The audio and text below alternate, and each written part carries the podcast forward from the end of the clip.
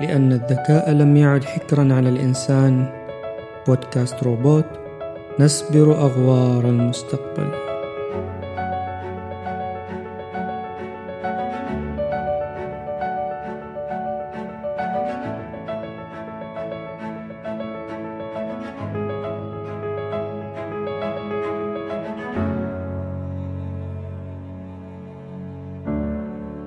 دائما ما يتبادر إلى أذهاننا عندما نأتي على ذكر الذكاء الاصطناعي والروبوتات في المجالات المختلفة وتحديدا مجال الأعمال بأننا نتحدث عن شيء بعيد المنال بل حتى أن أحاديثنا تأتي بصيغة المستقبل.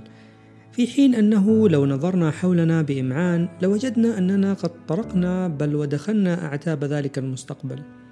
فأصبحت حياتنا تعتمد بشكل قوي ومتزايد على تقنيات الذكاء الاصطناعي المختلفة والروبوتات بأنواعها سواء كنا ندرك أننا نستخدم هذه التقنيات أم لا. بل أنه أصبح من الممكن إقامة شركة كاملة بدون أي موارد بشرية. نعم لقد سمعتها بشكل صحيح بدون أي موارد بشرية.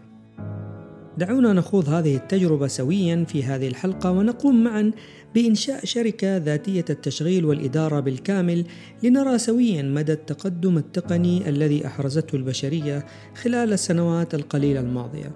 هناك الكثير من الأعمال التي يمكن أن يتم تشغيلها ذاتيا ولكن سنختبر سويا في هذه الحلقة شركة لتأجير السيارات وسنرى كيف يمكن أن تعمل هذه الشركة بجميع أقسامها ولكن بدون أي موارد بشرية.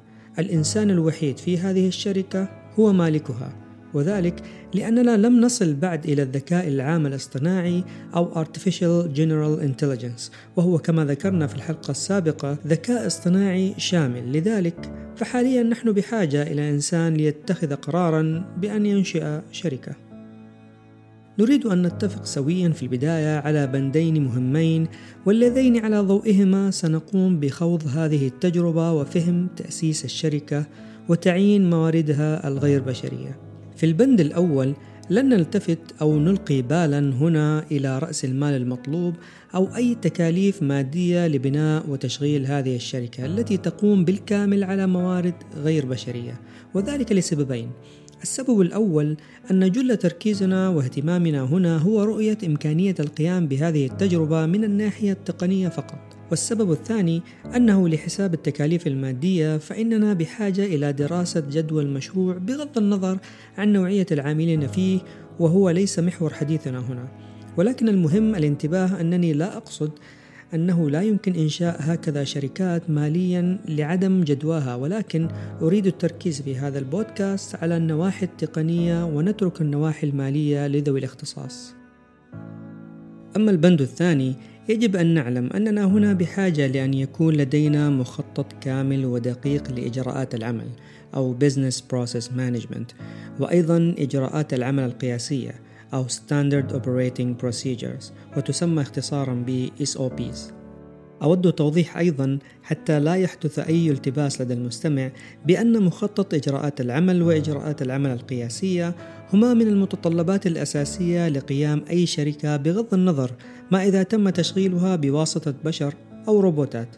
ولكني أحببت أن نتفق عليها من البداية لأنه من الممكن أن تجد على أرض الواقع شركات يتم تأسيسها بدون مخططات إجراءات عمل مكتملة من البداية.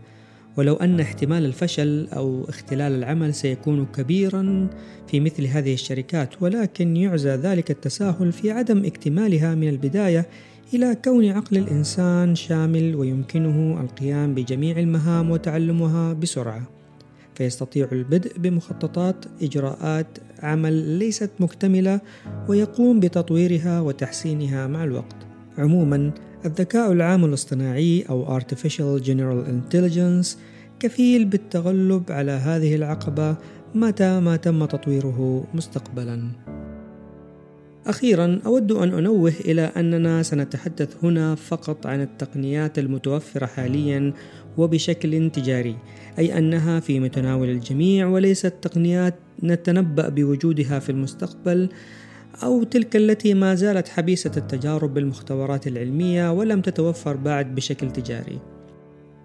أما الآن وبما أننا اتفقنا على هذين البندين الأساسيين في هذه التجربة دعونا نرى سويا كيف يمكن أن يصبح لدينا شركة تعمل بدون بشر.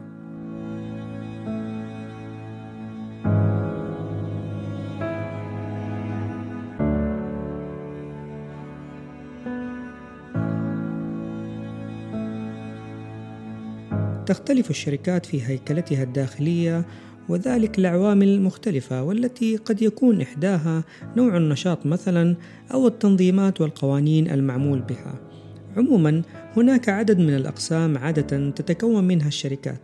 قد تختلف من شركة إلى أخرى ولكنها تعتبر حجر الأساس في أغلبها. سنتحدث في هذه التجربة عن القسم المالي، قسم تقنية المعلومات، قسم التسويق، وأخيرا قسم التشغيل. قد يتساءل أحدكم لماذا لم أذكر قسم الموارد البشرية؟ لأنه ببساطة لا يوجد بشر. لن نقوم بتوظيف أحد ولن يقدم أحد استقالته ولن يقوم بتقديم طلب إجازة ولن يطالب أحد الموظفين بعلاوة أو تدريب. ولكن قبل أن نشرع بافتتاح أعمال الشركة والمرور على أقسامها دعوني في البداية أعرفكم على شخص في غاية الأهمية وأعتبره أنا نجم هذه الحلقة. سنطلق عليه اسم RPA RPA هي اختصار ل robotic process automation وحقيقة لم أجد لها ترجمة عربية مبسطة وقريبة إلى اللسان. ولكن دعونا نفهم كيفية عملها والتي ستغنينا عن الترجمة. وهي ببساطة روبوت ولكن ليس ذلك الروبوت المجسم الذي نراه في الأفلام أو الأخبار وإنما هو عبارة عن برنامج يقوم بأتمتة العديد من العمليات المتنوعة وذلك لأن لديه عدة مهارات مثل إمكانية استخدام التطبيقات على الكمبيوتر وقراءة الملفات المختلفة تماما كالإنسان. وعندما أقول أنه يقرأ الملفات لا أقصد هنا تلك الملفات الإلكترونية مثل ملفات ال Excel أو ال PDF لا. فهناك العديد من البرامج القديمة والتي تستطيع قراءة تلك الملفات الرقمية ولكن أقصد تلك الأوراق المكتوبة بخط اليد كالفواتير اليدوية مثلا.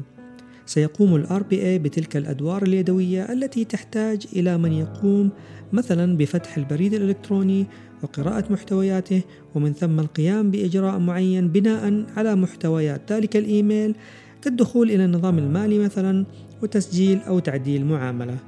الجدير بالذكر هنا أن ال RPA ليس ذكاء اصطناعيا لذلك يجب تلقينه حرفيا ما الذي سيقوم به. ولهذا قد اتفقنا في البداية على أننا بحاجة إلى أن يكون لدينا مخطط كامل ودقيق لإجراءات العمل. كما أنه يعتبر مناسبا جدا لتلك المهام التي تقوم بأداء وظائف محددة وبكميات كبيرة ولكن هذا لا يمنع أن يتم ربط ال RPA بذكاء اصطناعي يقوم بمراقبة إجراءات العمل وتحسينها مع كل عملية لرفع كفاءة عمل ال RPA. وبما أننا قد تعرفنا على ال RPA سنبدأ بأكثر الأقسام التي لديها مهام تقوم بأداء وظائف محددة وبكميات كبيرة ألا وهو القسم المالي. لم يعد هناك أي شركة الآن ما زالت تقوم بعملياتها المحاسبية عن طريق الدفاتر المحاسبية، وإنما أصبحت تستخدم الأنظمة المالية التي تقوم بجميع العمليات المحاسبية والمالية بدقة وكفاءة وسرعة عالية جدا. لدرجة أن المحاسب الآن أصبح عمله أقرب إلى مدقق ومراقب ومدخل للبيانات، لذلك سنقوم باستبداله في شركتنا هنا بي اي وسنقوم بإعطائه حساب بريد إلكتروني وحساب على النظام المالي وتلقينه المهام المطلوبة منه ليقوم بتنفيذها على مدار الساعة في أي يوم من أيام الأسبوع. طبعا يمكننا نسخ ال RPA المحاسب ليصبح لدينا اثنان أو ثلاثة محاسبين أو أكثر أو أقل وذلك حسب الحاجة. وبذلك أصبح لدينا قسم مالي مكون من نظام مالي إلكتروني ومجموعة من ال RPA المحاسبين.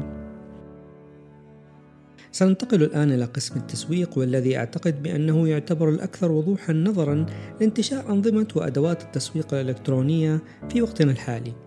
حيث تتوفر الآن أنظمة متكاملة قادرة على إدارة وتشغيل الحملات الإعلانية والخطط التسويقية والتي يمكن أن ندعمها بعدد من روبوتات ال RPA لتقوم ببعض المهام اليدوية مثل التواصل وإدخال البيانات وتنفيذ العديد من المهام الأخرى.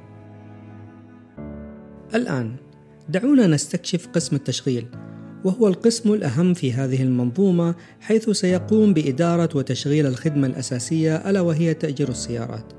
فعليا وعلى أرض الواقع يوجد عدد من شركات تأجير السيارات حول العالم التي ليس لديها مكاتب ولكن تعمل فقط عن طريق تطبيقات الهواتف الذكية. كل ما على العميل فعله هو فتح التطبيق والبحث عن أقرب سيارة ليقوم البرنامج بإرسال كود لفتح السيارة ومن ثم يقوم العميل باستخدامها حسب النطاق والمدة المحددة وقت الطلب ليقوم بعد ذلك بترك السيارة في أي موقف من المواقف المتوفرة بكثرة لدى شركة التأجير حول المدينة ليقوم عندها نظام التأجير الإلكتروني باحتساب قيمة التأجير وخصمها مباشرة من بطاقة العميل الائتمانية. قد يتساءل أحدنا الآن يقول ومن الذي يقوم بتفقد السيارة وصيانتها إذا لم يكن هناك بشر؟ والإجابة بسيطة جدا أولا جميع سيارات الشركة لديها مستشعرات تعمل بتقنية إنترنت الأشياء أو IoT وهي تقنية تسمح للكثير من الأجهزة بالاتصال بالإنترنت وإرسال البيانات تماما كما تعمل المنازل الذكية ثانيا نحتاج إما إلى نظام إلكتروني أو روبوت ال RPA ليقوم بقراءة تلك البيانات وبناء عليه يقوم بإرسال بريد إلكتروني إلى الشركة الخاصة بصيانة السيارات يخبرهم عن نوع الصيانة المطلوبة ومكان تواجد السيارة والرمز الخاص بفتح السيارة. وفي نفس الوقت يقوم بوضع السيارة في حالة الصيانة في نظام التأجير لكي لا تكون متاحة أمام العملاء. لقد أدت تقنية إنترنت الأشياء أو IoT إلى قفزة كبيرة في عالم التحول الرقمي فهي غيرت الأجهزة الجامدة من حولنا إلى أجهزة تفاعلية فأصبح من الممكن الآن تشغيل مكيف الهواء عن طريق تطبيق مثلا أو جدولة تشغيل إضاءات المنزل بناء على شدة الإضاءة الخارجية للشمس وبناء على جدول زمني معين. أخيرا تبقى لدينا قسم تقنية المعلومات. لا يخفى على المهتمين والعاملين في مجال تقنية المعلومات بأن أغلب الأنظمة الإلكترونية قد انتقلت من كونها جزءا من أصول الشركات إلى أن أصبحت عبارة عن خدمات تقدم من شركات التقنية المختلفة. ففي السابق مثلا كان لابد لكل شركة أن يكون لديها سيرفرات خاصة بالبريد الإلكتروني وتلك السيرفرات موجودة في غرف بمواصفات خاصة ويديرها مختصين تقنية المعلومات أما الآن فيمكنك في خمس دقائق أن تنشئ بريدا إلكترونيا للشركة باشتراك شهري أو سنوي دون حمل عناء توظيف مختصين أو إنشاء غرف مخصصة وشراء سيرفرات وصيانتها وتحديثها.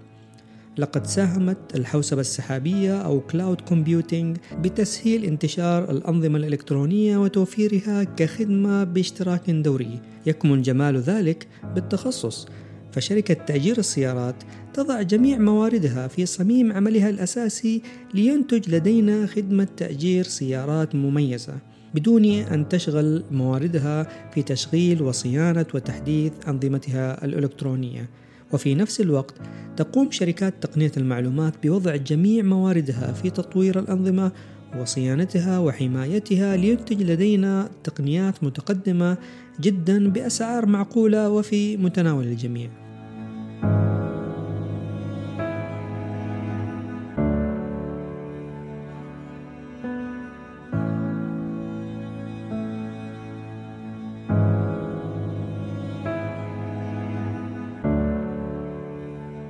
إن هذه التجربة التي خضناها سويا اليوم هي صورة مبسطة جدا لأعمال معقدة وأنظمة تقنية أكثر قوة وتعقيدا.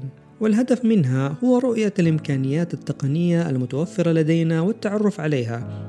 ومع ذلك قد يتبادر في أذهاننا تساؤلات بأن هناك العديد من المهام التي لم نأتي على ذكرها والتي تستدعي وجود بشر للقيام بها.